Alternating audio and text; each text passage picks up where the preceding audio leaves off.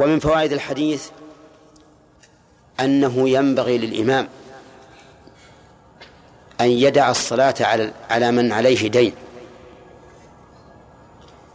اقتداء برسول الله صلى الله عليه وسلم.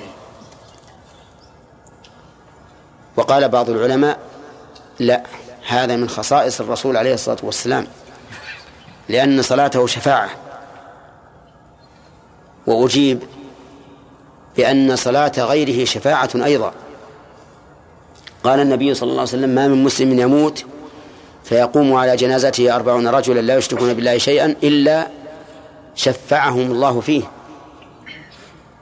والإمام مسؤول عن رعيته فإذا امتنع من الصلاة على من عليه دين تعزيرا له وكذلك تحذيرا من الدين كان ذلك مصلحة للرعية.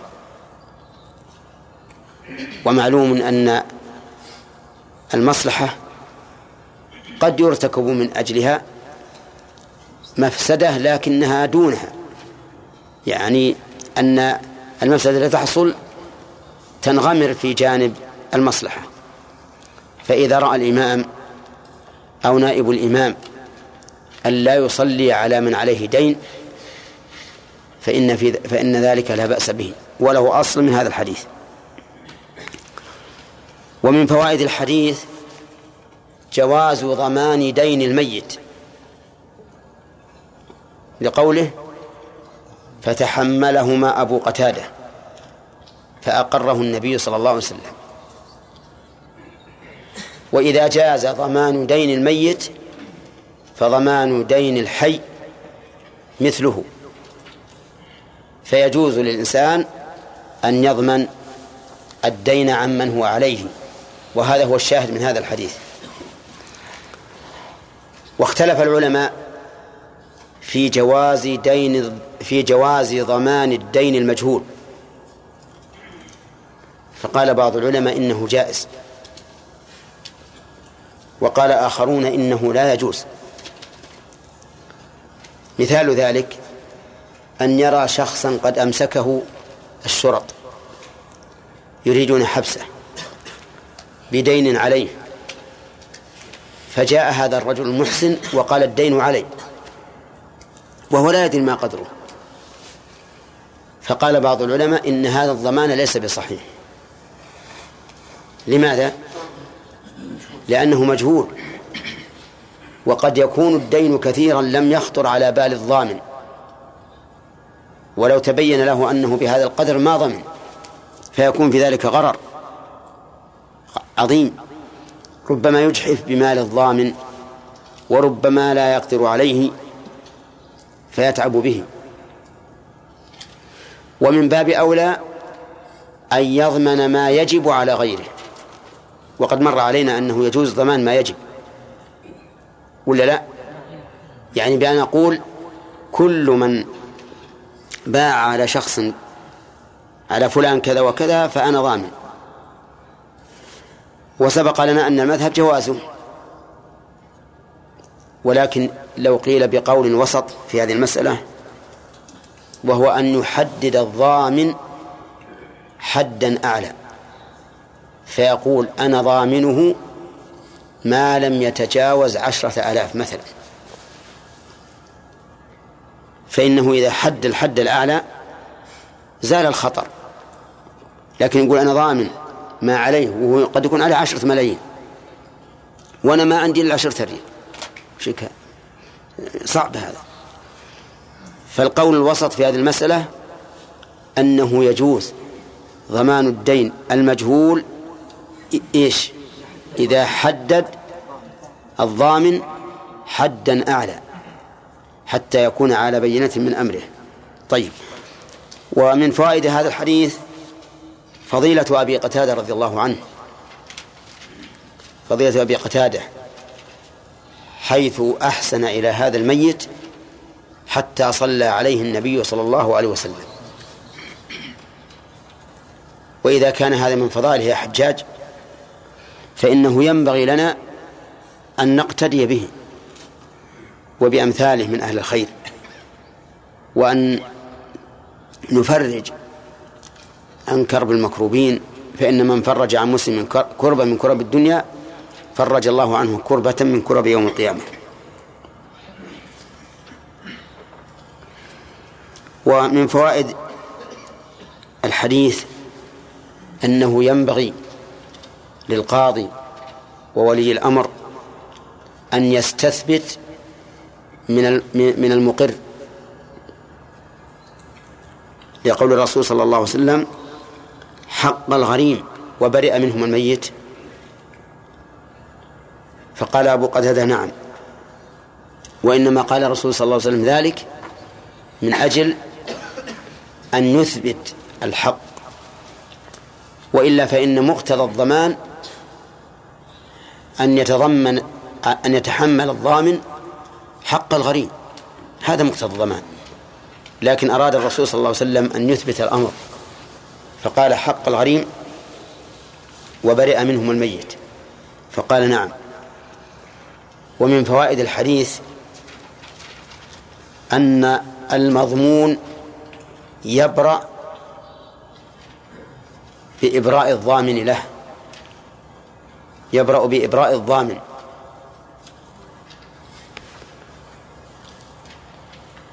من أين يؤخذ؟ من قوله وبرئ منهما الميت. وبرئ منهما الميت.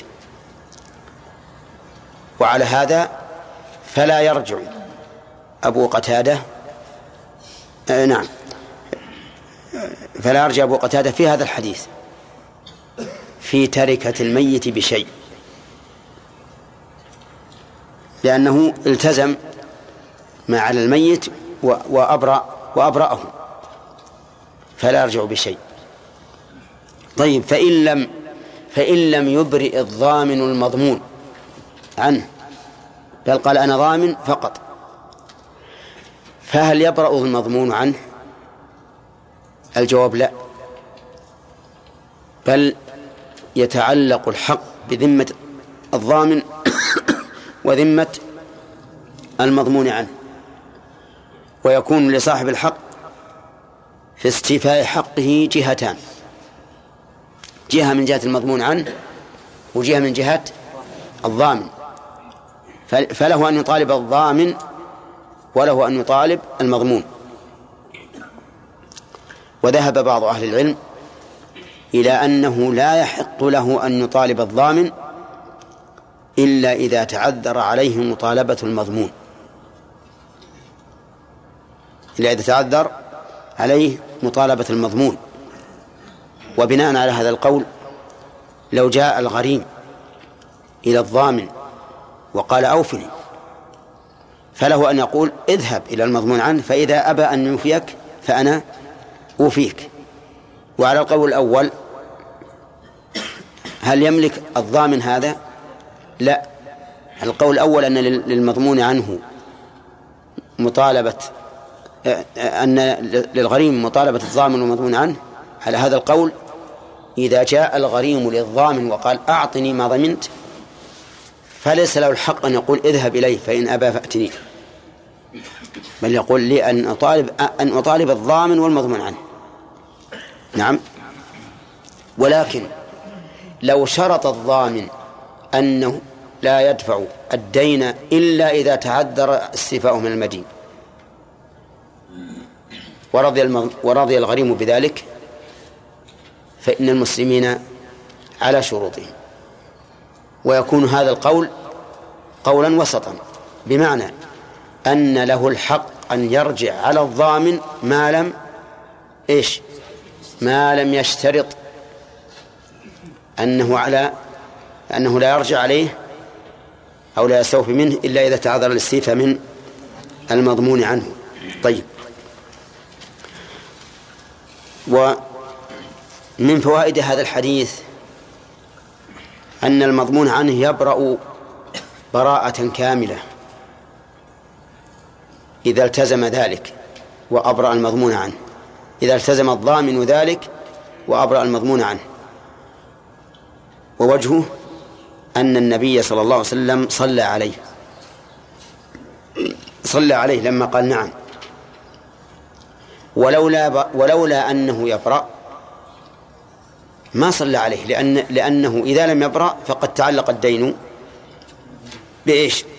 بذمته. فقد تعلق الدين بذمته. وإذا كان الدين متعلقا بذمته لم يكن هناك فرق بين الحال الأولى التي قبل الضمان عنه والحال الثانية التي بعد الضمان عنه. وهذا القول هو الصحيح. أنه إذا تحمل أحد الدين عن الميت على وجه يبرئ به الميت ورضي الغريم فإنه يبرأ الميت براءة تامة. وعلى هذا فلا تتعلق نفسه بدينه. كما يروى عن النبي صلى الله عليه وسلم أنه قال نفس المؤمن معلقة بدينه حتى يقضى عنه. فإذا ذهب الورثة إلى غريم لأبيهم. وقالوا إن الدين الذي لك على أبينا نحن نلتزمه. ونبرئ الميت منه. نقضيه عنه ونبرئ. فرضي بذلك الغريم فإن الدين فإن الميت يبرأ براءة كاملة. يبرأ براءة كاملة. وكذلك إذا وثق حق الغريم برهن إذا وثق حق الغريم برهن فإنه يبرأ الميت براءة كاملة. ولا تتعلق نفسه بدينه. ودليل ذلك أحمد. اسمك أحمد؟ دليل ذلك أن النبي صلى الله عليه وسلم مات ودرعه مرهونة بدين عليه عند يهودي. ومن المعلوم أننا لا نقول إن الرسول صلى الله عليه وسلم معلقة نفسه بدينه. بل خرج من الدنيا ولم يطلبه أحد صلوات الله وسلامه عليه. لأنه قد وثق الدين بماذا؟ بالرهن بالدرع التي رهنها عند صاحب الدين عند الغريم. طيب. ومن فوائد هذا الحديث الاكتفاء بالجواب بنعم.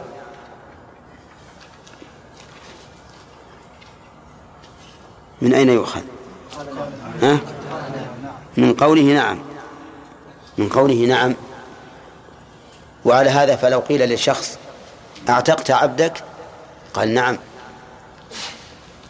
عتق. طلقت زوجتك؟ قال نعم. ها؟ طلقت.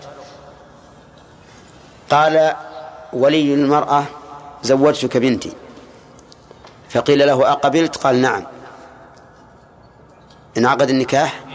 نعقد. أفي ذمتك لفلان مئة درهم؟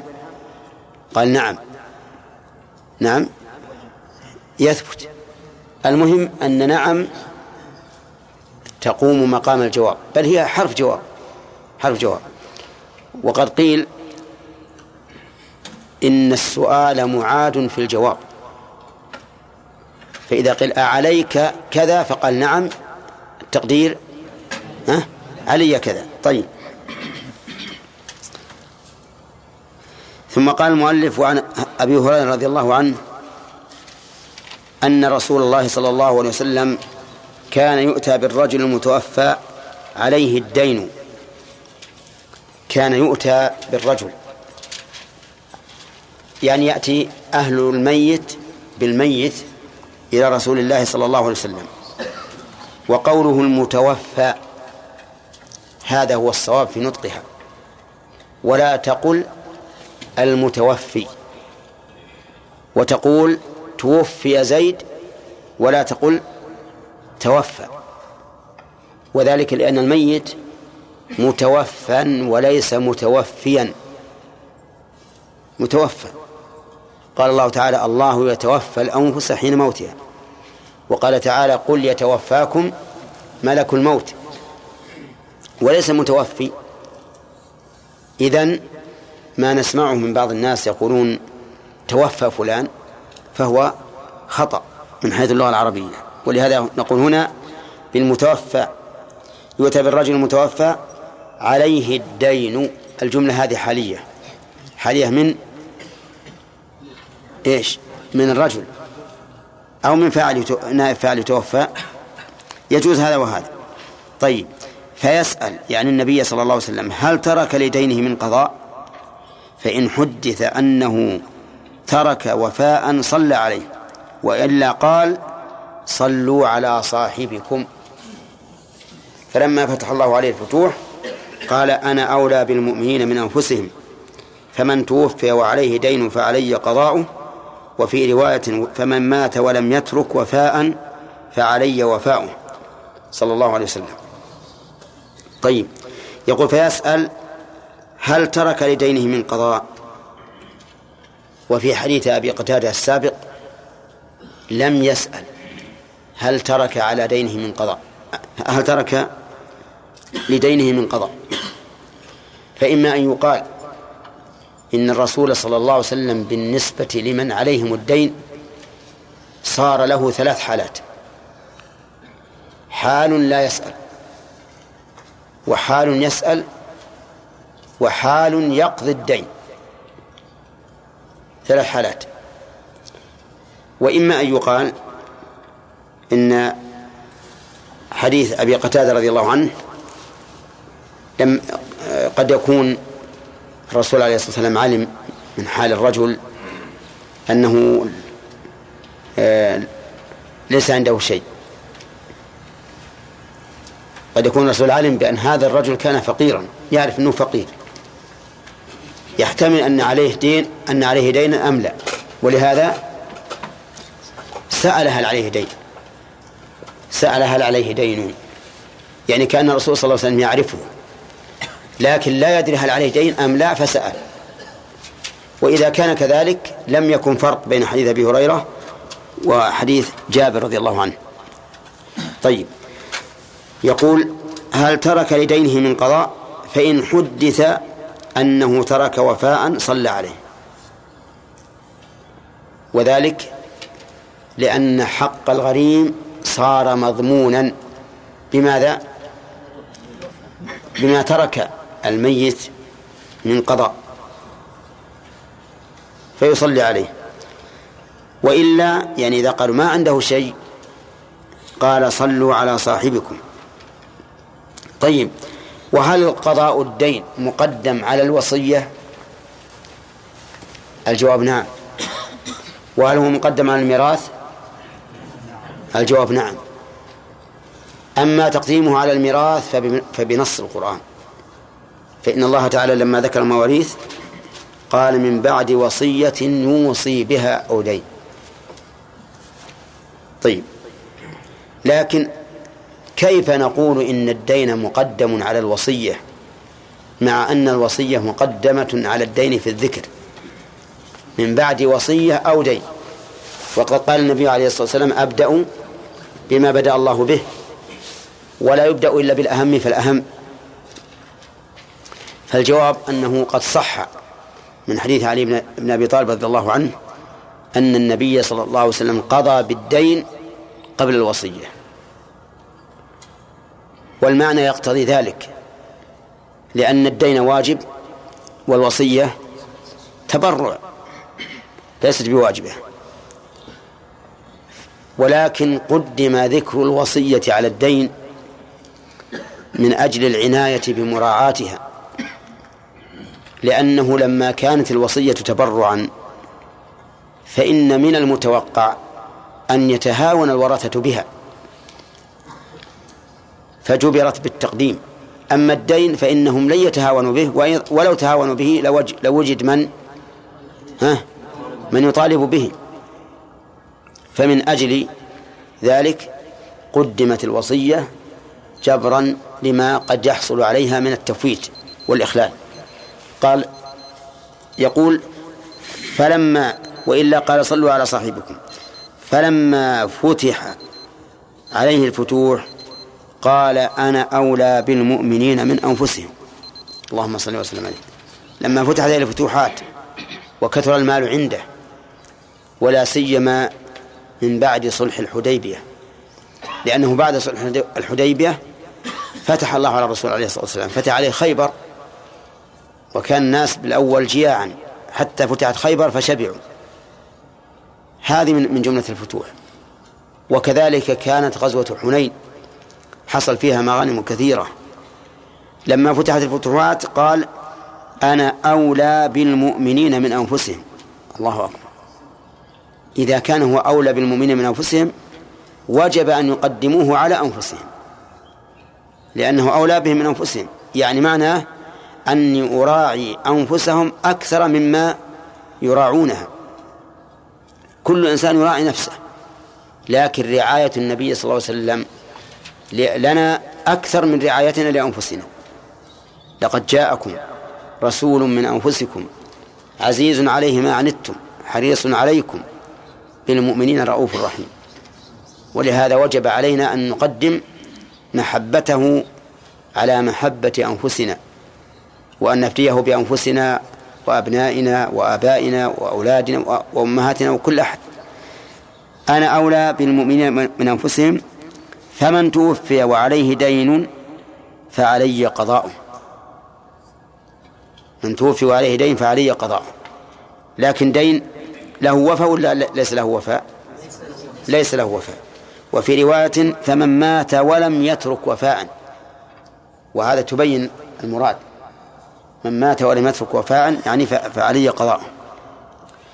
وقد ورد في في نفس الحديث أن من ترك ضياعا يعني عقارات أو غيرها أو مالا فلورثته. فكان عليه الصلاة والسلام يجبر ولا يجبر. يجبر ولا يجبر. كيف يجبر ولا يجبر؟ يعني يقضي الدين ولا يأخذ التركة. إذا مات أحد وعنده تركة ما يأخذها. تكون لورثته. وإن مات أحد عليه دين وليس له ورث وليس له تركة فإنه يقضيه. ويأتي إن شاء الله بقية الفوائد. ذكر الفوائد. نعم يا خالد. الله إليكم أقول إعلام بعض الناس الصحف أن الميت من كان له مطالبة على الميت أو دين أقول من كان له مطالبة على الميت أو دين فليتقدم إلى ورثته على هاتف مثلا كذا. ويعلنون هذا في الصحف أقول هذا أحسن الله عليك يكفي في إرضاء الميت. لا. حتى حتى يبرأ. إيه إذا أعلنوا قال مثلا مدة أقصاها شهر. إيه. أو شهرين. نعم. ما تقدم الناس خلال هذه المدة؟ إيه معناه معناه أنه ما صار ما صار عليه دين لكن ما نقول بريء. لأن من الناس من لا يقرأ الصحف ولا يدري عنها. ما كل أحد يقرأ الصحف. نعم. أحسن الله إليك. قضاء الورثة عن مورثها من الدين. هل هو على سبيل الاستحباب؟ ضمان ولا قضاء؟ قضاء قضاء قضاء الدين. من تركته؟ لا. ها. لم يترك وفاء ها؟ إذا لم يترك شيء. إي نعم. هل هو على سبيل الاستحباب؟ إي على سبيل الاستحباب. وليس على سبيل الوجوب؟ لا. طيب حديث عمية ها؟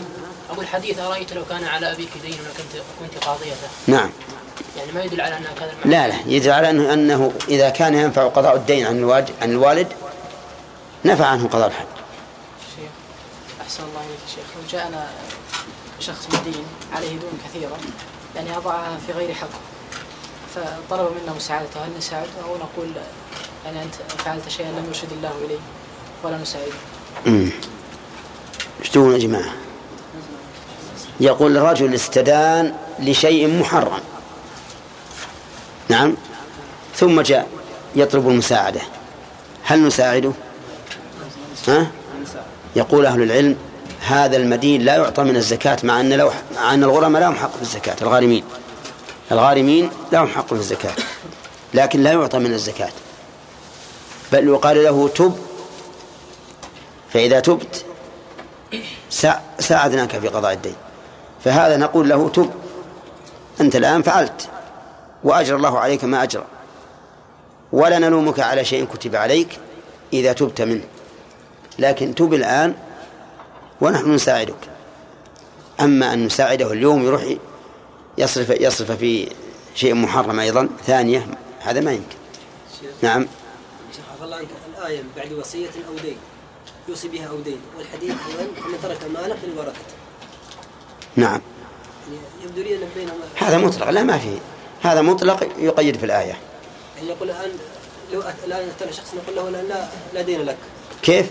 لو ترى شخص وقال أنا لي دين على أبيك. أي نعم. نقول لا, لا شيء لك. نقول تبينه. أثبت لنا. إذا إذا أثبتنا نقضيه إذا كان عنده تركة. لكن قول النبي صلى الله عليه وسلم ها. ما له لو- لورثته طيب هذا مطلق قلت لك هذا مطلق ماله لورثته يعني بعد أن يقضى الدين والوصية هذا مطلق تقيده الآية نعم قال آدم أقرباء الرسول صلى الله عليه وسلم ويسكت عليه الدين لأنه ما يأكل الصدقة ولا وش فيه؟ يعني هل يعني يقضي عليهم الدين؟ قرابة الرسول نقضي عنهم الدين؟ يعني متى؟ يعني وهم أحياء؟ لا ها. يعني هل زمن الرسول صلى الله عليه وسلم إذا مات من أقربائه هل يقضي عليه الدين إيه. الصدقة اي تخلي بالفوائد ولا نجيبها الآن؟ لأن ما أخذنا فوائد الحديث ها؟ صدقة التطوع تجوز لآل, لآل الرسول التطوع يجوز لآل الرسول نعم نصر الله إليك بالنسبة هل يجوز الإنسان يقول مثلا توفى ها؟ توفى باعتبار أنه يعني وفي أعمال. توفى يعني لها وجه أن نقول توفى أجله مثلا توفى دهره توفى حياته. لكن هذا خلاف ال- المستعمل في القرآن والسنة. يعني لها وجه لكن ما جاءت هكذا. نعم فهد.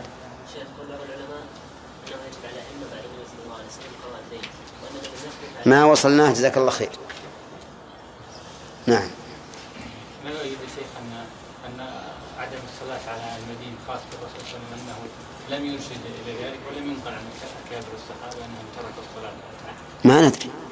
عدم النقل لا ليس دين العدم. لا هو ما أرشد لكن لقد كان لكم في رسول الله أسوة حسنة. فإذا كان هذا الرجل له تأثير في مجتمعه فلا مانع. مثل ما أنه ترك الصلاة على قاتل النفس. ترك الصلاة على الغال. هنا لا ما ما يتعدى العوام. لأنه قال صلوا على صاحبكم نعم. يلزم الضامن يكون قادر على هل؟ يلزم الضامن. يعني يكون عنده قدرة على يعني عنده مادة. إذا ضمن الناس مثلا لثقته بالقارب إيه. يعني يقول مثلا إذا واحد كان على يدين. ويقول أنا أضمن لثقتي على المدين يعني أثق في أنه واحد. لا لا ما ينبغي هذا ما ينبغي الإنسان إنه- أنه يخاطر. صحيح أن بعض الناس يكون رجل كريم يكون رجلا كريما يضمن على الناس يجري يفرج عنهم نقول هذا غلط. الكرم له موضوع تكرم على الناس و- وتهن نفسك. نعم. أحسن عليك شيخ لو الإنسان يطالب بشخص وهذا الشخص قد مات وليست عنده ورثة ماذا يفعل؟ وليس إيش؟ ما عنده ورثة. ومات ماذا يفعل؟ كيف؟ ما فهمت. يعني الإنسان يطالب شخص يطلب ميتا. نعم. وهذا الرجل قد مات قبل قبل قبل أن يوفي الدين مات هذا الرجل. وليس عنده مات الطالب ولا المطلوب؟ لا الطالب. ها؟ المطلوب المطلوب. المطلوب. توفي المطلوب. وليست عنده ورثة ليس عنده ورثة لكي يعطي ورثة فماذا يفعل؟ الحين الطالب هو الميت ولا المطلوب؟ الميت والمطلوب. ها؟ المطلوب والميت. المطلوب هو الميت مات المطلوب وليس عنده ورثة. طيب وش السؤال الآن؟ ما- ماذا يفعل؟ من اللي ما يفعل؟ ماذا يفعل؟ ما دام ما دام إنه ما عنده ورثة وعنده مال يكون ما يتولى ماله الحاكم القاضي. فيذهب إلى القاضي ويثبت الدين الذي له ويسلم له. نعم. ها؟ ها- يكون الوعد قدام إن شاء الله. الوعد قدام يوم القيامة. نعم. فعل وقت قتادة نبينا محمد وعلى آله وصحبه أجمعين. قال رحمه الله نقل المؤلف رحمه الله تعالى عن أبي هريرة رضي الله عنه أن رسول الله صلى الله عليه وسلم كان يؤتى بالرجل المتوفى عليه الدين فيسأل هل ترك لدينه من قضاء؟ فإن حدث أنه ترك وفاء صلى عليه وإلا قال صلوا على صاحبكم. فلما فتح الله عليه الفتوح قال أنا أولى بالمؤمنين من أنفسهم فمن توفي وعليه دين فعلي قضاؤه متفق عليه. وفي رواية للبخاري فمن مات ولم يترك وفاء. وعن عمرو بن شعيب عن أبيه عن جده قال قال رسول الله صلى الله عليه وسلم لا كفالة في حج. رواه البيهقي بإسناد ضعيف. بسم الله الرحمن الرحيم. الحمد لله رب العالمين وأصلي وأسلم على نبينا محمد وعلى آله وأصحابه أجمعين. أما بعد فقد شرعنا في شرح الحديث حديث أبي هريرة رضي الله عنه. قال كان الرسول كان النبي صلى الله عليه وسلم يؤتى بالرجل المتوفى عليه الدين. ونناقش فيه الآن ثم نأخذ فوائده أولا ما موضع الجملة في قوله عليه الدين مما قبلها في الإعراب؟ نعم. حال. من أين؟ من الرجل. طيب. ويجوز أن يكون حالا من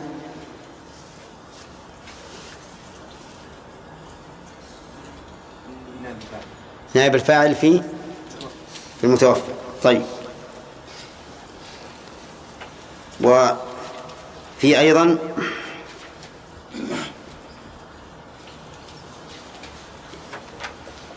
قوله وإلا هذه الجملة وش كيف نعربها؟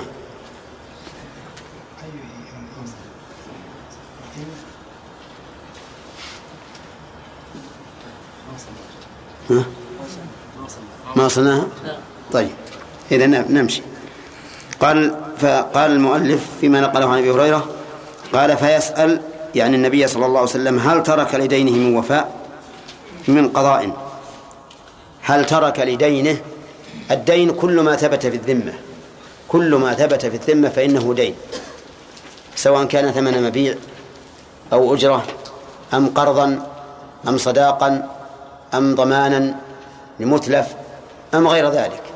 كل ما ثبت في الذمة فهو دين عند العلماء. خلافا لما يفهمه العامة الآن من أن الدين هو التورق. يعني أن يبيع الإنسان على على شخص شيئا مؤجلا شيئا بثمن مؤجل أكثر من ثمنه حاضرا. ويسمى الدينة والوعدة والتورق. وما أشبه أشبه ذلك. لكن الدين في الشرع أعم من ذلك. كل ما ثبت إيش؟ في الذمة. من ثمن مبيع أو أجرة أو قرض أو ضمان أو صداق أو خلع. أي شيء يثبت في الذمة فهو دين. يقول هل ترك لدينه من قضاء؟ من حرف جر زائد. لفظا لكن له معنى. ولهذا نقول قضى مفعول ترك منصوب بفتحة مقدرة على آخره منع من ظهورها اشتغال المحل بحركة حرف الجر الزائد. طيب. من قضاء أي من شيء يقضى منه الدين. فإن حدث يعني أخبر أنه ترك وفاء صلى عليه. لأن حق الغريم أصبح مضمونا أو صار مضمونا من أجل ما تركه من الوفاء وإلا يعني وإلا يحدث أنه ترك وفاء قال صلوا على صاحبكم. والجملة هنا شرطية. حذف منها فعل الشرط. وأما أداة الشرط فلم تحذف. لكنها أدغمت بلا وتقدير الكلام وإلا وإن لا يحدث أنه ترك وفاء. وأما جواب الشرط فهو قوله قال صلوا قال صلوا على صاحبكم. وإلا قال صلوا على صاحبكم. يعني على من أتيتم بصحبته وهو هذا المتوفى سواء كان صاحبا لهم في الدنيا أم لم يكن. لأنهم الآن حين جاءوا به إلى النبي صلى الله عليه وسلم يصلي عليه أصحاب له. فلما فتح الله عليه الفتوح الفتوح جمع فتح والمراد بذلك البلاد التي فتحها الله عليه ولا سيما مثل خيبر. فإن المسلمين غنموا فيها مغانم كثيرة. وكذلك غزوة حنين غنموا فيها غنائم كثيرة. لما فتح الله على الفتوح قال أنا أولى بالمؤمنين من أنفسهم. يعني أنا أوثق ولاية من المؤمنين بأنفسهم كل ولي نفسه لكن الرسول صلى الله عليه وسلم أولى بالإنسان من نفسه إذا كان مؤمنا. فإذا كان المؤمنون بعضهم أولياء بعض بعضهم أولياء بعض فالنبي صلى الله عليه وسلم أشد الناس إيمانا وأقواهم إيمانا فيكون عليه الصلاة والسلام هو أولى المؤمنين بالمؤمنين. ولهذا قال أنا أولى بالمؤمنين من أنفسهم. من ترى من فمن توفي وعليه دين فعلي قضاؤه. فمن توفي وعلي دين وعليه دين فعلي قضاؤه. فيكون الرسول صلى الله عليه وسلم ضامنا لديون من مات وليس وليس له وفاء. وفي رواية للبخاري فمن مات ولم يترك وفاء فعلي قضاء. فإن ترك وفاء فإنه يوفى من من تركته لأن حق الورثة لا يرد إلا بعد الدين والوصية كما مر. ففي هذا الحديث أن الصحابة رضي الله عنهم كانوا يأتون بالميت إلى الرسول صلى الله عليه وسلم ليصلي عليه. لأنه أرجى الناس قبولا للشفاعة. ولكنه إذا كان عليه دين فكما سمعتم. فيستفاد منه من هذا الحديث عدة فوائد. أولا مشروعية إحضار الميت. لمن ترجى لمن يرجى قبول دعوته ليصلي عليه. الدليل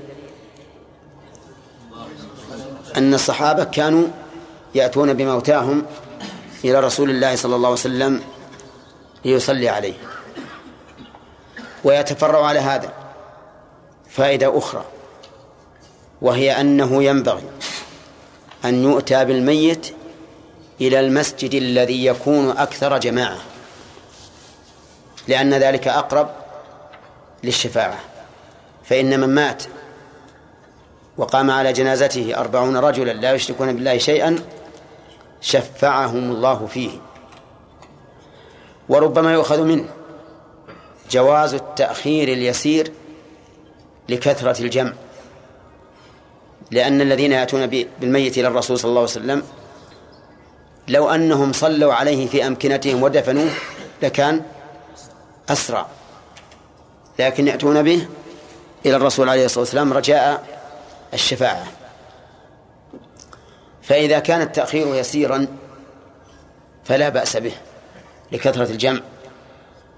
وأما التأخير الكثير الذي أصبح الناس اليوم يتباهون به يموت الإنسان اليوم ويكون له أقارب في بلاد بعيدة قد يكون حتى في بلاد أوروبية مثلا فينتظرون به حتى يحضر أقاربه.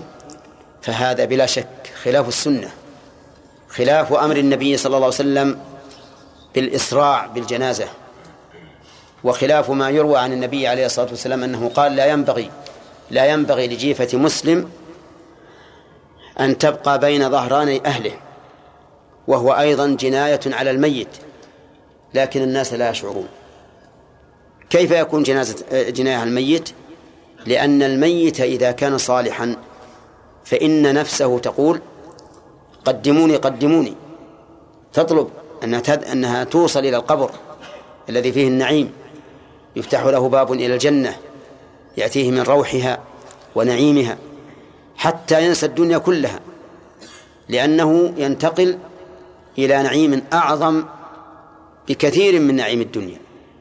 الذين تتوفاهم الملائكة طيبين يقولون سلام عليكم ادخلوا الجنة. بما كنتم تعملون. ادخلوا الجنة اليوم. لأنه إذا فتح له باب إلى الجنة وأتاه من روحها ونعيمها فإنه لا شك يوقن أنه في الجنة. فكوننا نؤخر الجنازة من أجل حضور فلان وفلان كأنما هي فرح وعرس. يؤخر حتى يحضر الناس.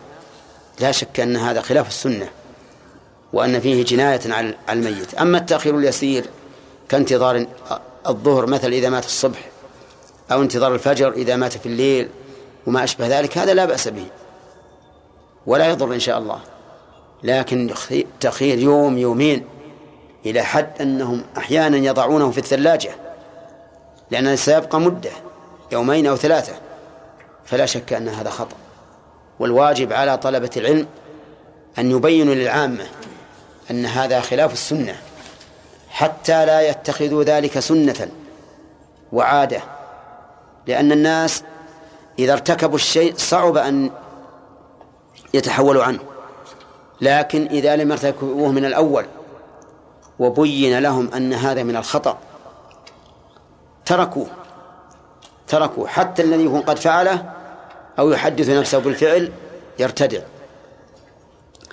وفي هذا الحديث فوائد من فوائد الحديث أن النبي صلى الله عليه وسلم لا يعلم الغيب. لقوله في في فيسأل هل ترك لدينه من من قضاء. إذ لو كان يعلم الغيب لم يسأل. وهذا الأمر واضح يعني أن النبي صلى الله عليه وسلم لا يعلم الغيب. فإن الله أمره أن يبلغ الناس بلاغا خاصا بأنه لا يعلم الغيب. فقال الله له قل لا أقول لكم عندي خزائن الله. ولا أعلم الغيب ولا أقول لكم إني ملك.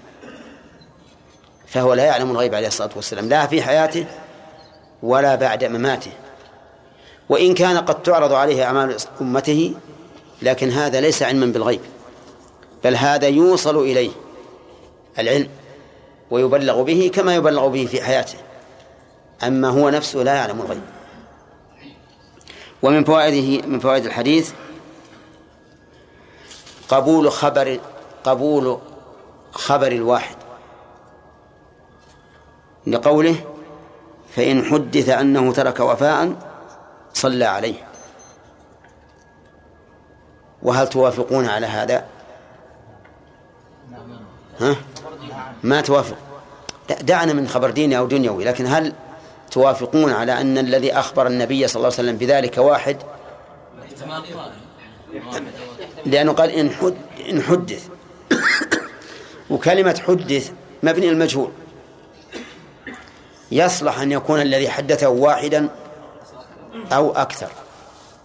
لكن نحن نعلم أنه إذا لم يكن للميت إلا ولي واحد فإنه لن يعلم بحاله إلا إلا واحد. إلا واحد.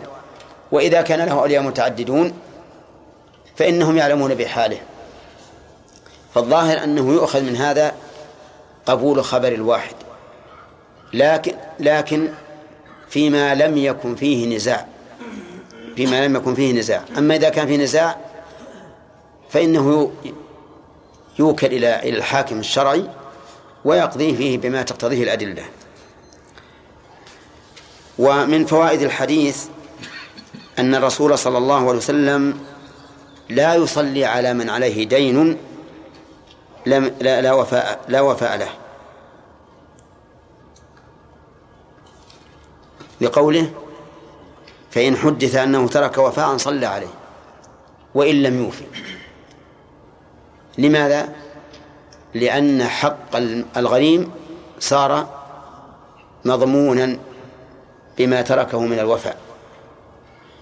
فإن الورثة ليس لهم سلطان على التركة إلا بعد قضاء الدين لقوله تعالى في آيات المواريث من بعد وصية يوصي, يوصي بها أو دين فلو مات ميت وخلف مليونا من الدراهم وخلف ابنا وبنتا وعليه مليون من الدراهم دينا فليس فليس للابن والبنت شيء. من من هذا من هذا المليون من هذا المليون الذي تركه أبوهما. لماذا؟ لأنه لا حق للوارث إلا بعد قضاء الدين. ولهذا إذا قيل إنه خلف وفاء صلى عليه.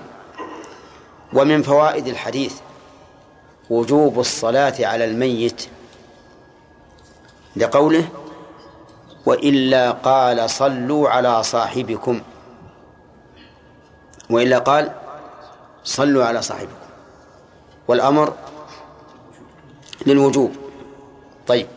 ومن فوائد الحديث أنه ينبغي لمن له شأن في البلد إذا مات ميت عليه دين لو وفأ له أن لا يصلي عليه وأن يبين سبب ذلك. فيقول مثلا هل عليه دين؟ إذا قالوا نعم قال له وفاء إذا قالوا لا قال إذا صلوا عليه. لأن في ذلك فائدتين. الفائدة الأولى الاقتداء برسول الله صلى الله عليه وسلم. لأن الله يقول لقد كان لكم في رسول الله أسوة حسنة. الفائدة الثالثة الثانية أن ذلك أدعى إلى حذر الناس من الدين وهيبتهم منه. لا سيما في وقتنا الحاضر حيث استهان الناس بالديون وصار الرجل يتدين الألف والألفين وكأنما تدين درهما أو درهمين ولا يبالي. ثم إن من الناس من يتدين لأمور كمالية بل يتدين لأمور إسرافية. يسرف. رجل فقير لا يملك إلا مئة ريال بنى قصرا يبنيه من يملك مليون ريال. لا أنا ببني قصر مثل فلان. لو أبني بيت يليق بحالي قال الناس مسكين هذا. هذا مكسوف فقير. أنا أريد أن أبني قصا مشيدا. السيارة عنده السيارة الصغيرة على قد حاله لكن قال لا أنا بشري بيوك مثل الأغنياء دراهم كثيرة. هذا إيش؟ مسرف ولا لا؟ لأنه لأنه أخذ بأكثر من الكمال. مسرف. بعض الناس أيضا أنا شاهدت إنسان يعني بلغني عن إنسان أنه اشترى فراشا لدرجه فراش للدرج والدرج ما هو بينبه الإنسان. اشترى فراشا لدرجه وتدينه دينا بعشرين ألف. نعم؟ هذا هذا هذا سفه. هذا من السفه. فالحاصل إن أن الإنسان إذا كان له شأن في البلد كالقاضي والأمير ومن أشبههما. وامتنع عن الصلاة من عن الصلاة على من عليه دين لا وفاء له حذر الناس من الدين وهابوه ورأوا أنه عظيم. ومن فوائد الحديث أن الرسول عليه الصلاة والسلام أكرم الخلق لأنه لما فتح الله عليه الفتوح قال أنا أولى بالمؤمنين من أنفسهم وصار يقضي الديون عن المدينين. وهل هذا من خلقه أم من ولايته؟ ها؟ نعم. قال بعض أهل العلم إن هذا من خلقه وخلقه الكرم عليه الصلاة والسلام وبناء على ذلك فلا يلزم ولي الأمر أن يقضي الديون من بيت المال. لأن ما فعل الرسول عليه الصلاة والسلام إنما فعله بمقتضى خلقه الكريم لا أنه تشريع للأمة. وقال بعض أهل العلم بل هو تشريع للأمة ومن خلقه أيضا. وبناء على هذا يجب على ولي الأمر أن يقضي ديون من لا من لا وفاء لهم من من بيت المال. وهذا القول هو الصحيح. وأنه يجب على ولي الأمر أن يقضي ديون الأموات الذين ماتوا وليس لهم وفاء. هذا إن تحمل بيت المال ذلك. أما إذا كان بيت المال لا يقوم بمصالح المسلمين كلها فمعلوم أن المصالح العامة أولى من المصالح الخاصة. لو كان بيت المال لا يتسع لأرزاق المدرسين وأرزاق الأطباء وأرزاق الأئمة والمؤذنين وإصلاح الطرق وما أشبه ذلك فمعلوم أن هذه المصالح إيش؟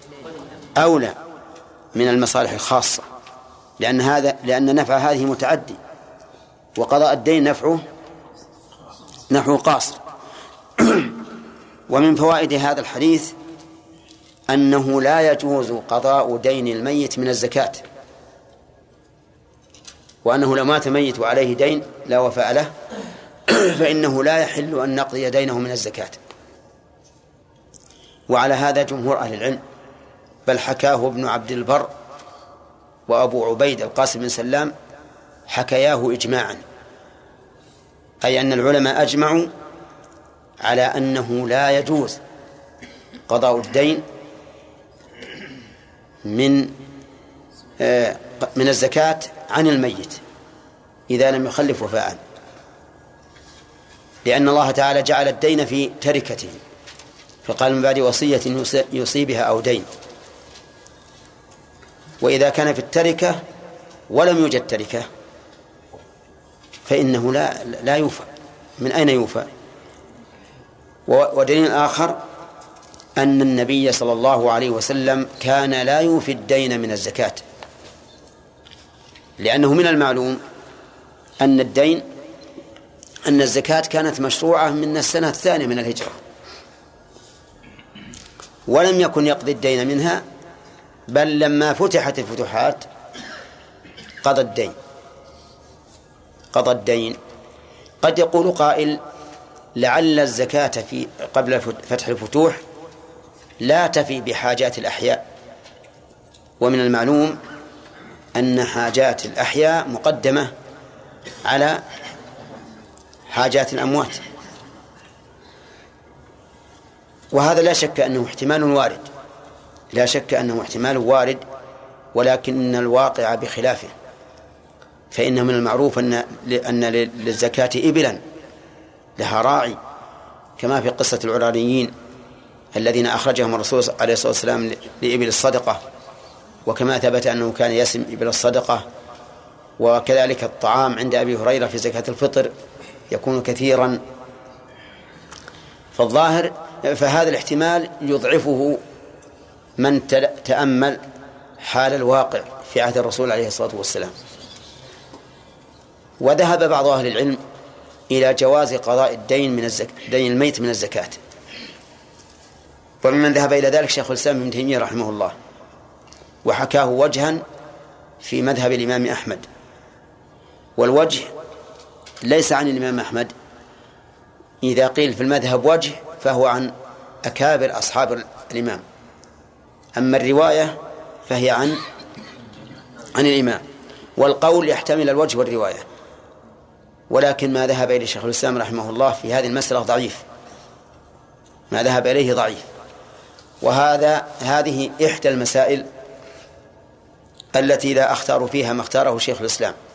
ومر علينا قبل يومين مسألة ثانية وهي الجمع بين الأختين في الرضاع. من الرضاع فإن الشيخ يرى جوازه والصحيح خلافه. وأظن أحد الطلبة طلب مني المسائل التي أخالف التي رأيي فيها ليس كرأي شيخ الإسلام ما أدري الله منه. طيب إذا إن شاء الله نحررها لك. طيب على كل حال هذا الحديث يدل على أنه لا تقضى لا يقضى دين الميت من الزكاة. اللهم إلا لو لم نجد من أهل الزكاة الأحياء فحينئذ قد نقول بجواز قضاء الدين عن الميت من الزكاة. ومن فوائد الحديث أن الرسول صلى الله عليه وسلم أولى الناس أولى بالناس من بالمؤمنين من أنفسهم. وإذا كان أولى بنا من أنفسنا وجب علينا أن نحبه أكثر من أنفسنا. لأنه إذا جعل ولايته لنا أشد وأقوى من ولاية أنفسنا لأنفسنا فإن الواجب أن نكافئه ببعض حقه. وأن نجعل محبته صلوات الله وسلامه عليه أشد من محبتنا لأنفسنا. وهذا هو الواجب ولا يتم الإيمان إلا به. لا يؤمن أحدكم حتى أكون أحب إليه من ولده ووالده والناس أجمعين حتى من نفسه عليه الصلاة والسلام حتى من نفس الإنسان. ومن فوائد الحديث وهو الذي ساقه المؤلف من أجله جواز ضمان الدين عن الميت. لقوله فمن توفي وعليه دين فعلي قضاؤه. فعلي قضاؤه. وكلمة علي هل هي التزام أو تشريع؟ سبقت الإشارة إليه.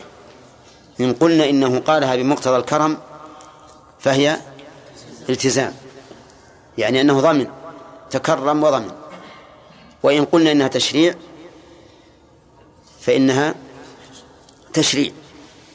يعني يخبر خبرا بأن على الإمام الذي يتولى أمور المسلمين أن يقضي ديون أمواتهم. وهذا هو الصحيح كما سبق. قال وعن عمرو بن شعيب عن أبيه عن جده قال قال رسول الله صلى الله عليه وسلم لا كفالة في حد رواه البيهقي بإسناد ضعيف. طيب هذا كفالة. والأول ضمان. والفرق بين الكفالة والضمان أن الضمان ضمان الحق والضمان والكفالة ضمان إحضار صاحب الحق. انتبهوا. فالكفالة للبدن والضمان للحق. الضمان للحق والكفالة للبدن.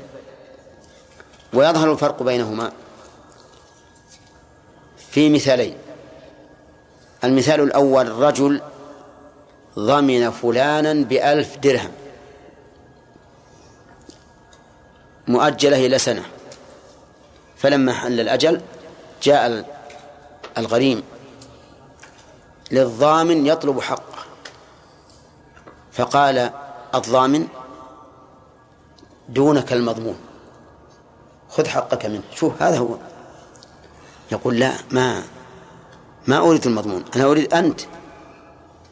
يلزمه بهذا أو لا؟ نعم الغريم يلزمه. لأن الضمان وارد على الحق الذي عليه. هذا مثال. مثال آخر. رجل أقرض شخصا مئة درهم. فجاء إنسان آخر فكفله كفل الرجل. ما كفل الدين كفل الرجل. وهذا الدين لنفرض أنه مؤجل إلى إلى سنة.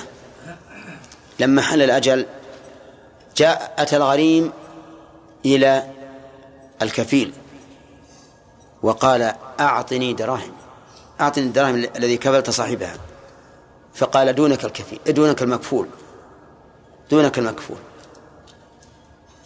هل يبرأ الكفيل ولا أو لا؟ يبرأ. لأن لأن الكفيل إنما التزم إحضار بدن المكفول. لا ولم يتحمل الدين الذي عليه.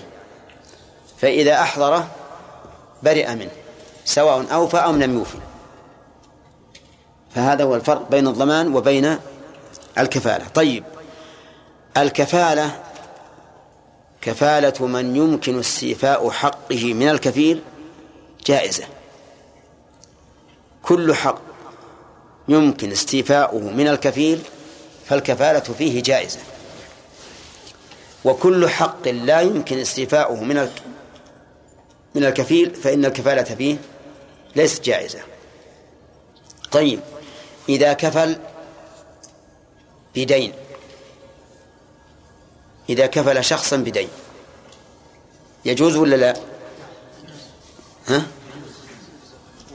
كفل شخصا بدين. بمئة درهم. يجوز أو لا؟ أنا أحس كأنكم يا الله تلمسون هذا الجواب. نعم؟ يجوز؟ ليش؟ لأنه لو تعذر استيفاؤه من المكفول ها؟ أخذ من الكفيل. أخذ من الكفيل. طيب يعني مثل لو فرض أن المكفول ما جاء ما حضر. عند حلول الأجل ما وجد غاب. فإنه يؤخذ من من الكفيل. طيب لو كفل شخصا يعني آه، بحد رجل سارق أمسكناه وثبت عليه القطع ولكن قال أمهلوني حتى أذهب أزور أهلي أزور أهلي وأرجع. فقلنا ما ما ما ما نأمن أن تهرب. فقام رجل فقال أنا كفيله أنا كفيله. هل تصح الكفالة هذه؟ نقول لا تصح الكفالة لأنه لا يمكن استيفاء الحق من الكفيل يعني لو تغيب المكفول الآن ما يمكن نقطع ذاك. يقطع ما يمكن أن نقطع يد الكفيل لأنه حد. ولو ولو أم ولو قلنا إنها تقطع يده لزم أن أن نقيم الحد على من لم يجرم.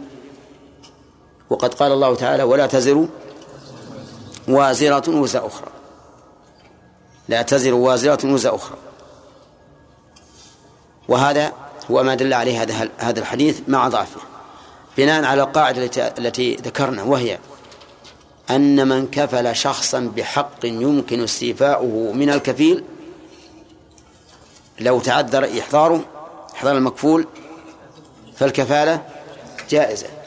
وإن لم يمكن فالكفالة غير جائزة. طيب لو كفل شخصا بقصاص لو كفل شخصا بقصاص يعني شخص وجب عليه القصاص فقال ذروني أذهب إلى أهلي وأوصي وأسلم عليهم وأرجع إليكم واصنعوا ما, ما, شئتم.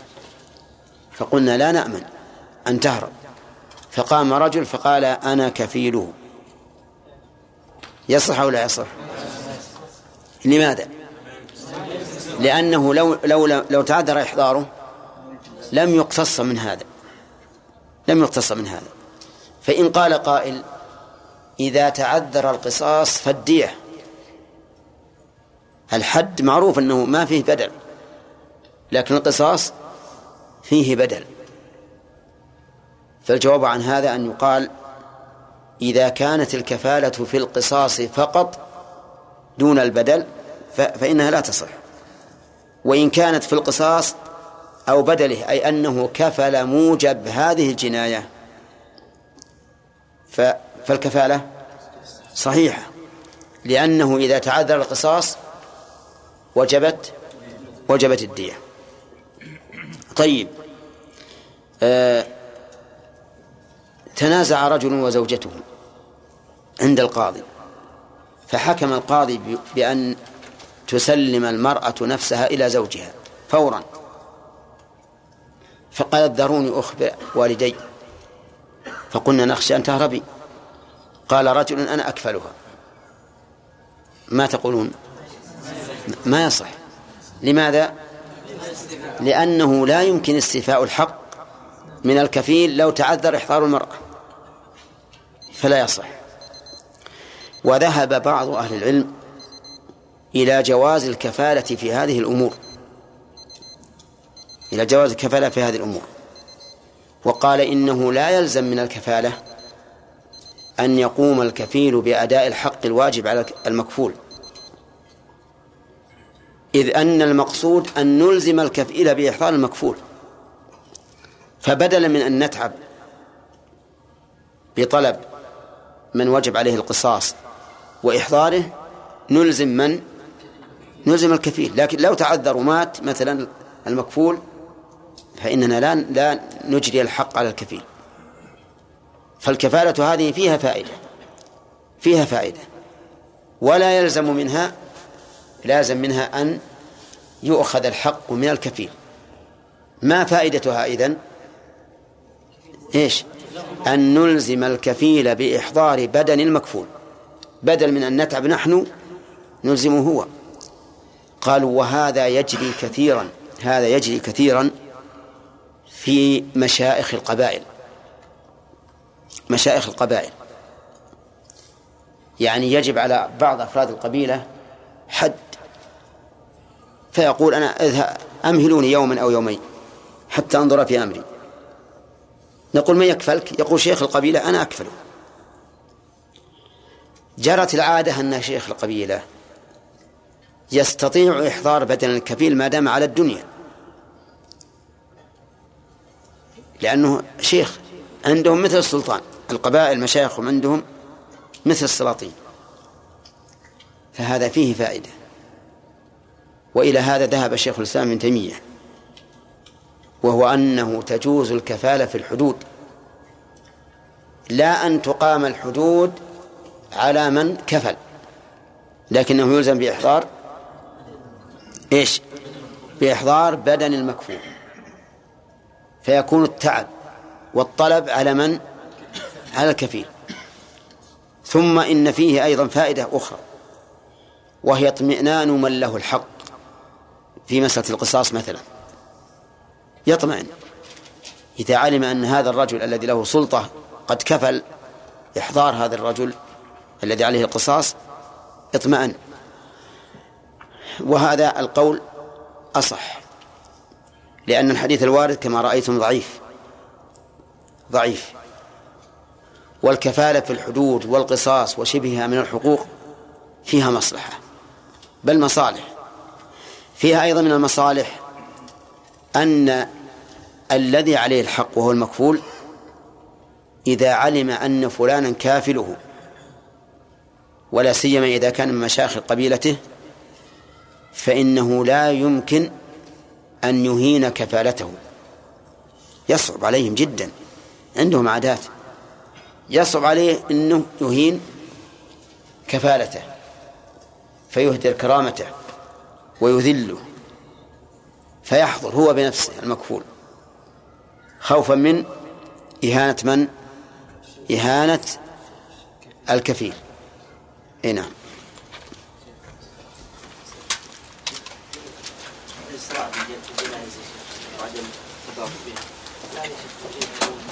ها؟ يذهبون بالجنائز من جدة والطائف إيه؟ إلى الحرم نقلها هنا أما نقلها يعني في مدة وجيزة مثل من جدة إلى إلى مكة أو من الطائف إلى مكة بسيط هذا. أقول هذا لا يضر وقد نقل سعد بن أبي وقاص من قصره في العقيق إلى المدينة. نعم. السلام الله يا شيخ. لو انتظرنا يا شيخ يوم يوم كامل لندرك صلاة الجمعة حتى يصلى على هذا الميت. مثلا مات في هذا الوقت. نعم. وانتظرنا إلى بكرة صلاة الجمعة. مثلا والله ما أرى أرى أن الإسراء به ولو ولو فات صلاة الجمعة. أولى لأن الميت له حق. حبسه بين الناس بين أظهرهم أظهر أهله خطأ. نعم. مع من؟ إيش؟ أبي ذر. إيه. إنه كفل في قصاص ثم روى أصحاب السير ما أدري عن صحة القصة ولا لو صحت كان شبيها بفصل النزاع.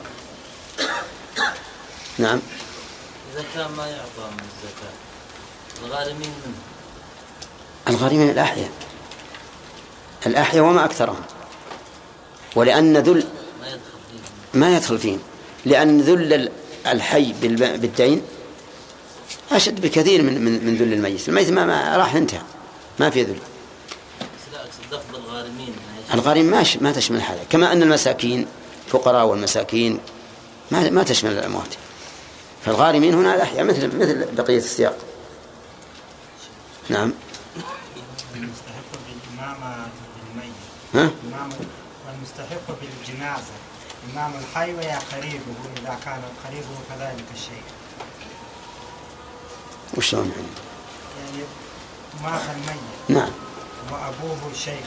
نعم. وإمام الحي يعني إمام خرجة أي. كذلك الشيء. نعم. يستحق بالإمامة أبوه ويا يعني الصلاة عليه؟ قصدك؟ يعني الصلاة عليه. آه. يسأل من أحق الناس بالصلاة على الميت؟ جرت العادة أن أحق الناس بالصلاة عليه إمام المسجد. إذا إذا أتي به إلى المسجد فإمام المسجد أحق الناس به. أما إذا صلي عليه في مصلى خاص للجنائز كما هي عادة الرسول العادة في عهد النبي صلى الله عليه وسلم العادة الغالبة فأحق الناس به بالصلاة عليه وصيه. إذا كان أوصى إلى شخص قال يصلي عليه فلان فهو أولى الناس. فإن لم يكن له وصي فأبوه ثم ابنه وهكذا أصبعته.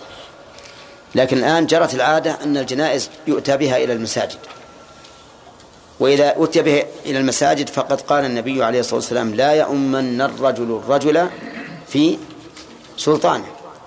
وإمام المسجد سلطان في المسجد. فيكون إمام المسجد أحق الناس بالصلاة على هذا الميت. لكن لو فرض أن الميت أوصى أن يصلي عليه فلان ثم حضروا به إلى المسجد. وقال الوصي لإمام المسجد إنه, إنه قد أوصى أن يصلي عليه.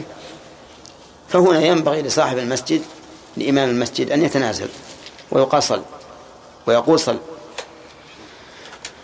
نعم. اسأل. بعض المسلمون يموتون في أمريكا ويأتون بعض المسلمين. نعم. نعم. أو في بلد الغرب. نعم. ويأتون بهم إلى هنا بلد المسلمين. فيسافرون بعضهم ثلاثة أيام. هو إذا كان ليس- هناك مقبرة للمسلمين فهذا ضرورة عذر.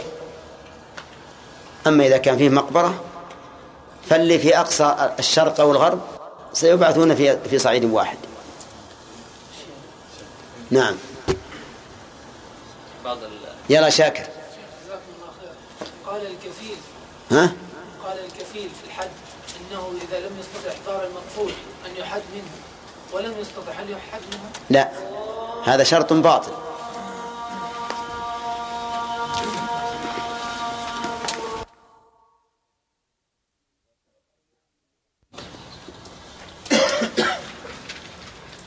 سبق لنا أن رسول الله صلى الله عليه وسلم كان إذا سأل عن الميت هل عليه الدين؟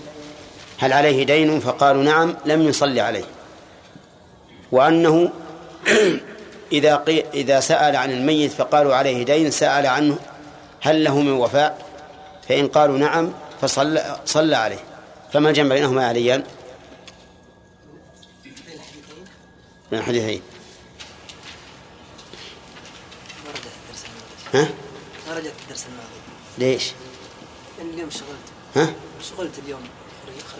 ما رجعت للمغرب شغل بندر مما يقال إن النبي عليه الصلاة والسلام كان يعلم بحال بحال هذا الشخص الذي سأل عنه أنه ليس عليه دين.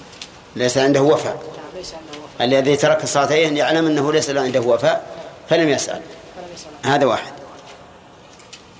والثاني؟ لأنك أنت قلت إما وإما للتفصيل. وإما ان يعلم أن ها. أنه عنده وفاء. فيسأل عنه. كيف ما هذا لأن رسول الله صلى الله عليه وسلم له ثلاثة أحوال. في بعض الأحيان سأل وفي بعض الأحيان ما سأل وفي بعض الأحيان يقضي الليل وفي هذا الأحيان سأل. هي صحيح الأحوال ثلاثة لكن منها على ما قلت. نعم. أن النبي صلى الله عليه وسلم ذاك الذي لم يسأل عن وفائه علم أنه فقير وأنه يعني لم يترك يعني تعيينا لم يترك قضاء. هذا اللي قال بندر. هذا الذي قال بندر. وأما الثاني فلم يعلم يعني هل له مال أم لا. أقول هذا الذي قال بندر. عندك غيره ولا لا؟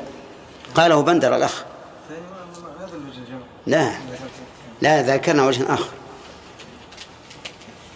أحمد؟ إما يقال أن النبي صلى الله عليه وسلم كان له ثلاث آه. أحوال أنه كان لا يسأل وأنه لا يسأل يسأل. حتى في حديث جابر سأل. فهد؟ يسأل هل ترك القضاء أم لم. حال لا يسأل يعني كان في الأول. الحال, الأولى أنه لا يصلي سواء ترك وفاء أم لم يترك. وهذا يتنازع عليه حديث جابر. ال- والثانية أنه يعني هون هون الأمر شوي. فكان يسأل إذا ترك وفاء صلى وإن لم يضمنه أحد. واضح؟ طيب. الثالثة ها؟ لما فتح الله عليه الفتوح صار يقضي عنه الدين. عرفتم الآن؟ غريب. واضح. كان بالأول إذا قيل عليه دين لم يصلي عليه إلا أن يضمن. وضمنه من؟ أبو قتادة. في الثاني المرتبة الثانية كان يسأل إذا قالوا له قضاء صلى عليه سواء ضمن أو لم يضمن. المرتبة الثالثة أو الحالة الثالثة لما فتح الله عليه الفتوح صار يصلي على من عليه دين ويقول أنا أقضيه. واضح؟ طيب. طيب هل من مات وعليه دين تسقط الصلاة عن عليه الأخ.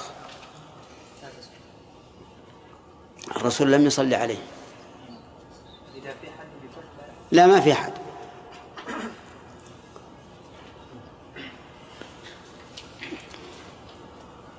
يلا. ها؟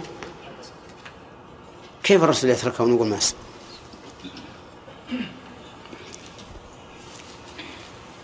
لا تسقط والدليل إنه قال صلوا على آه. صح. لا تسقط. والدليل أنه كان يأمر بالصلاة عليه. يأمر بالصلاة عليه. طيب. ما معنى قوله أو ما معنى ما يروى عن النبي صلى الله عليه وسلم أنه قال لا كفالة في حد؟ سامي ها. الحدود الشرعية ما هو الحد؟ الحد. أي نعم. الذي يقام من أجله ارتكاب جريمة تخالف الشرع.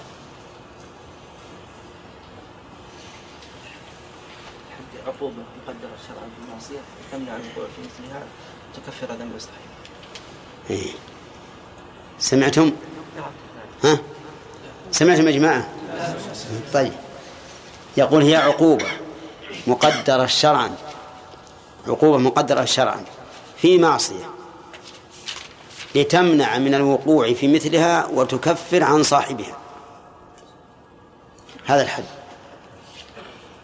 عقوبة مقدرة شرعا مو من قبل القاضي. أما اللي يحكم عليه القاضي يجد ثلاثين جلدة يجد أربعين هذا مو مو حد. هذا يسمى تعزيرا. طيب. ما معنى قول لا كفالة فيه عبد الرحمن بن إبراهيم. يعني أن من وجب عليه الحد طلب مثلا مثلا أن يذهب إلى لغرض شغل وقال شخص آخر أنا أكفله إذا لم يحضر. هذا مثال يا نعم. هذا مثال. الكفالة المقصود إحضار البدن يعني. وش معنى لا كفالة؟ يعني كفالة لإحضار البدن التزام بإحضار يعني لا كفالة صحيحة أو لا كفالة موجودة أو لا كفالة تامة. لا لا كفالة صحيحة. ها. لا كفالة صحيحة. نعم. يعني لا يصح أن يكفل أحد شخصا وجب عليه حد. نعم. هذا المعنى؟ طيب. آه، ما هي العلة؟ قال لأن يعني في هذا تتعطل إقامة الحدود. يعني إذا لم يحضر من عليه الحد فيمتنع إقامة الحد على على على, على من كفله لأنه لم لم يقم هو. لا. قلنا يلزم عليه أحد أمرين لكن يمكن أنك نسيت.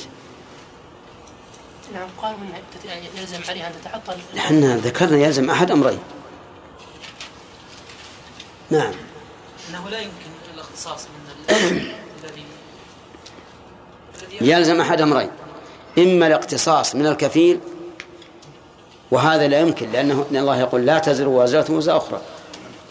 وإما تعطيل الحد إذا لم إذا لم نق- نقمه على الكفيل.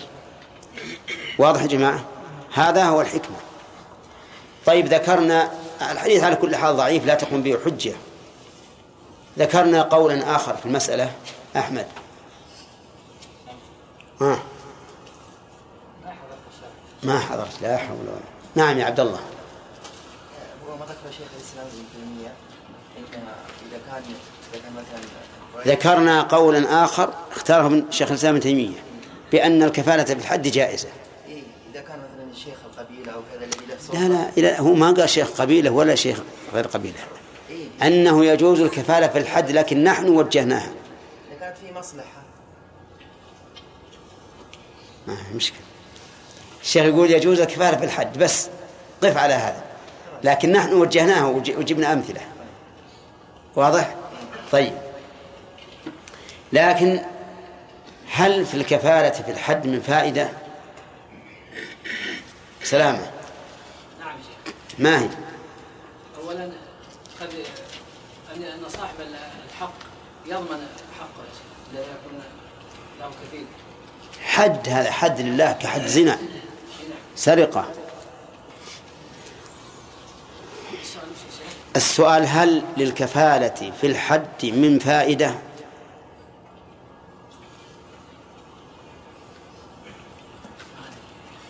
نعم. نفس الشخص اللي مفقود أي. يعني يوجب على الكافر يحضر طيب. وهل في فائدة ولا ما في فائدة؟ إلا في فائدة إنه يسهل المهمه لنفس القوات لس للسلطات صحيح. قلنا أن له فائدة. سهل المهمة. وضربنا مثلا لذلك بما إذا كان هناك قبيلة لها شيخ. وجب الحد على بعض أفرادها وطلب منا مهلة لإصلاح بعض حاله. وقلنا لا يمكن. هات كفيل. وجاء وجاء بكفيل هو شيخ القبيلة. شيخ القبيلة يستطيع أن يحضره في أي وقت شاء. واضح؟ فإذا كان في الكفالة في الحد فائدة فالصحيح أن ذلك أن ذلك جائز. طيب. نأخذ الدرس الجديد الآن. قال المؤلف باب الشركة والوكالة. باب الشركة والوكالة. يقال الشركة ويقال الشركة ويقال الشركة. الشركة. أي بوزن سرقة وثمرة ونعمة. بوزن إيش؟ سرقة وثمرة ونعمة. بوزن سرقة كيف؟ شركة. بوزن ثمرة شركة. بوزن نعمة شركة. وهي في اللغة الاختلاط. الشركة هي في اللغة الاختلاط. اختلاط الشخصين في شيء.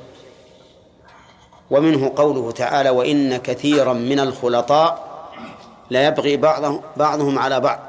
أي من إيش؟ الشركاء. وأما في, في الاصطلاح فهي اجتماع في استحقاق أو تصرف. اجتماع في استحقاق أو تصرف. يعني أن يجتمع شخصان في شيء مستحق لهما. أو يجتمع الشخصان في تصرف. تصرف بينهما.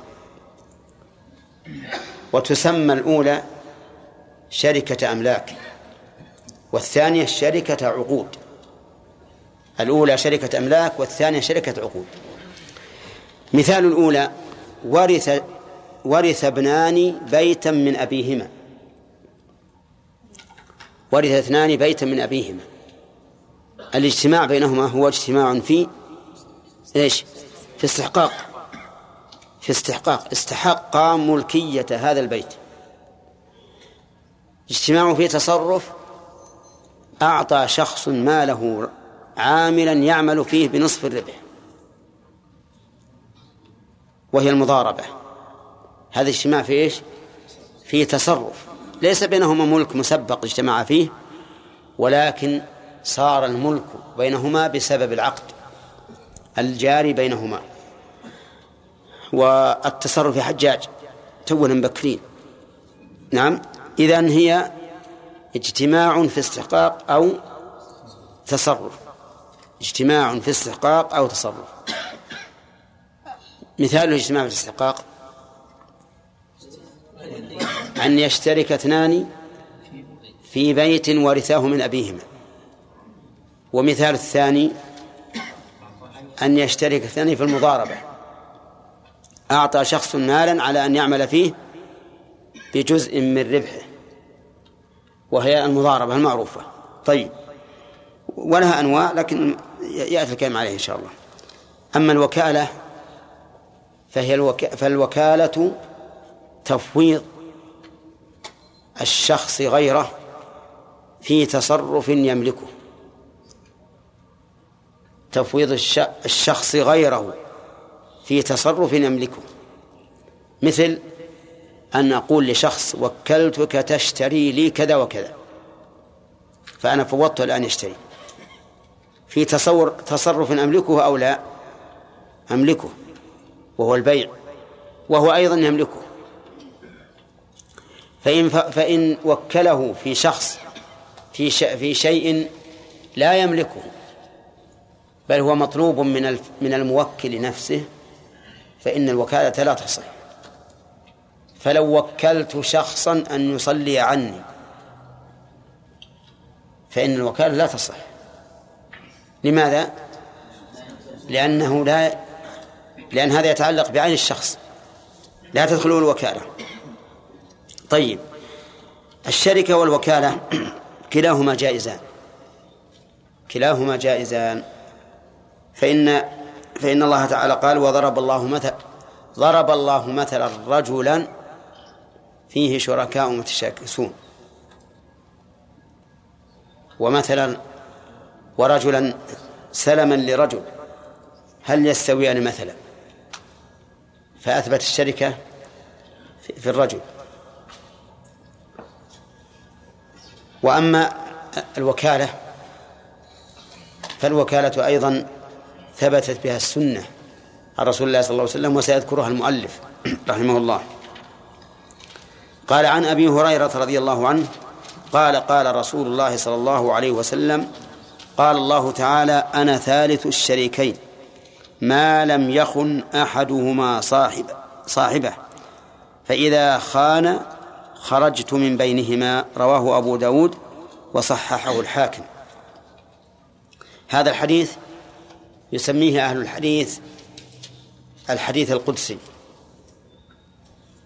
وهو وهو حديث بين الحديث النبوي وبين القرآن الكريم. لا يلحق بالقرآن الكريم وهو فوق مرتبة الحديث النبوي لأن النبي صلى الله عليه وسلم أسنده إلى الله إسنادا صريحا فقال قال الله لكنه ليس كالقرآن الكريم. لأن القرآن الكريم معجز بلفظه ومعناه متعبد بتلاوته. يقرأه الإنسان في الصلاة وخارج الصلاة. لا يقرأه الجنوب لا تقرأه الحائض عند أكثر أهل العلم. لا يمس صحيفته إلا إلا طاهر. لا يجوز بيعه عند بعض أهل العلم. حتى قال ابن عمر وددت أن الأيدي تقطع في بيع المصحف. نعم. فله أحكام كثيرة لا يسوي فيها الحديث القدسي. لأن لأن القرآن الكريم كلام الله عز وجل لفظا ومعنى. والحديث القدسي ما رواه النبي صلى الله عليه وسلم عن ربه رواية. لكنه قاله من لفظه تعبيرا. وليس من من كلام الله عز وجل لفظا وإلا لكان معجزا لأنه لو كان من كلام الله لفظا لكان صفة من صفات الله وصفات الله تعالى لا يمكن لمخلوق أن يأتي بمثلها. وهذا هو وجه الإعجاز في القرآن الكريم. ولكن قد يقول قائل كيف يقول الرسول قال الله تعالى وتقول أنت إن هذا ليس لفظ الله؟ فنقول في الجواب عن هذا إن القول قد يضاف إلى القائل وإن كان لم يتكلم به وإنما تكلم بمعناه. والدليل على هذا ما حكى الله عز وجل عن الرسل السابقين وعن أقوامهم. فإن الله يقول قال وإذ قال موسى لقومه وقال نوح رب لا تذر على الأرض من الكافرين دجارا ومن المعلوم أن نوحا لم يقل هذا اللفظ. لأن لغة نوح غير عربية. ولأنه لو كان هذا هو لفظ نوح لكان لكان معجزا. لأن هذا اللفظ معجز. بل هذا اللفظ كلام الله. نقله عن نوح بمعناه. كذلك قول فرعون قول فرعون. قول فرعون للسحرة ولموسى ولقومه وكذلك قوم فرعون قول محاورتهم له. كل هذا إنما نقل بإيش؟ بالمعنى ومع ذلك يضيفه الله إليهم صراحة. قال فرعون. فهكذا هذا الحديث القدسي.